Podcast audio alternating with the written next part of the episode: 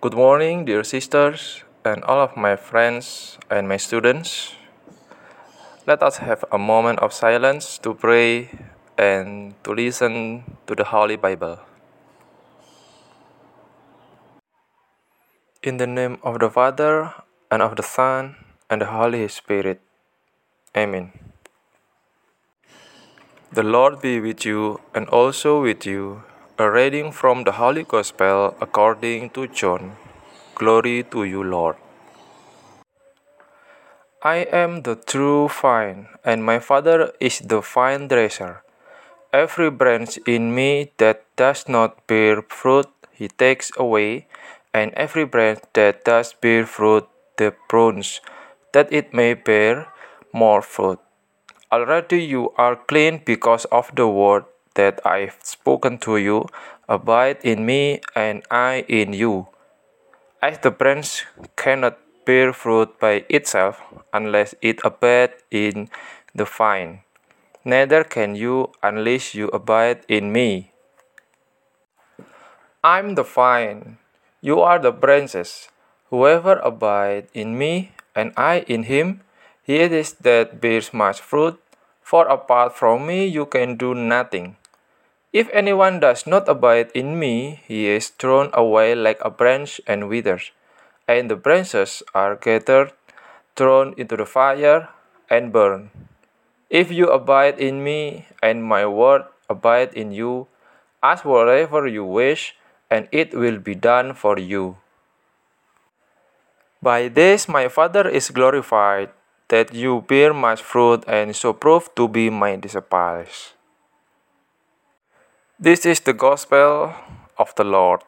Praise to you, Lord Jesus Christ. Selamat pagi, suster, bapak, ibu, dan anak-anak yang terkasih. Tuhan Yesus menyebut dirinya sebagai pokok anggur, dan umat Kristen adalah ranting-rantingnya. Artinya, Yesus merupakan sumber kehidupan bagi setiap umatnya. Orang percaya tidak mungkin hidup jika tidak berada dalam naungannya. Sebagai ranting, umat Kristiani harus terus melekat dan bergantung erat kepada pokok anggur, yaitu Tuhan Yesus Kristus.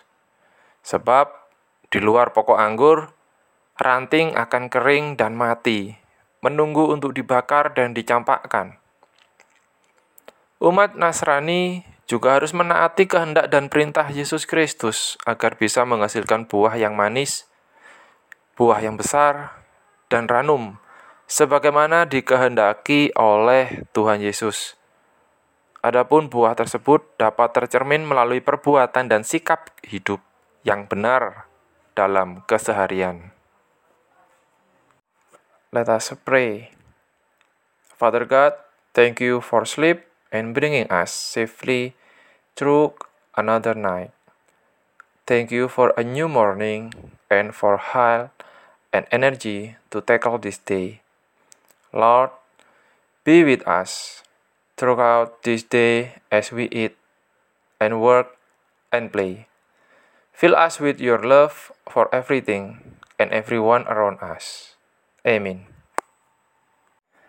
In the name of the Father, and of the Son, and of the Holy Spirit. Amen. Good morning and God bless us. Thank you.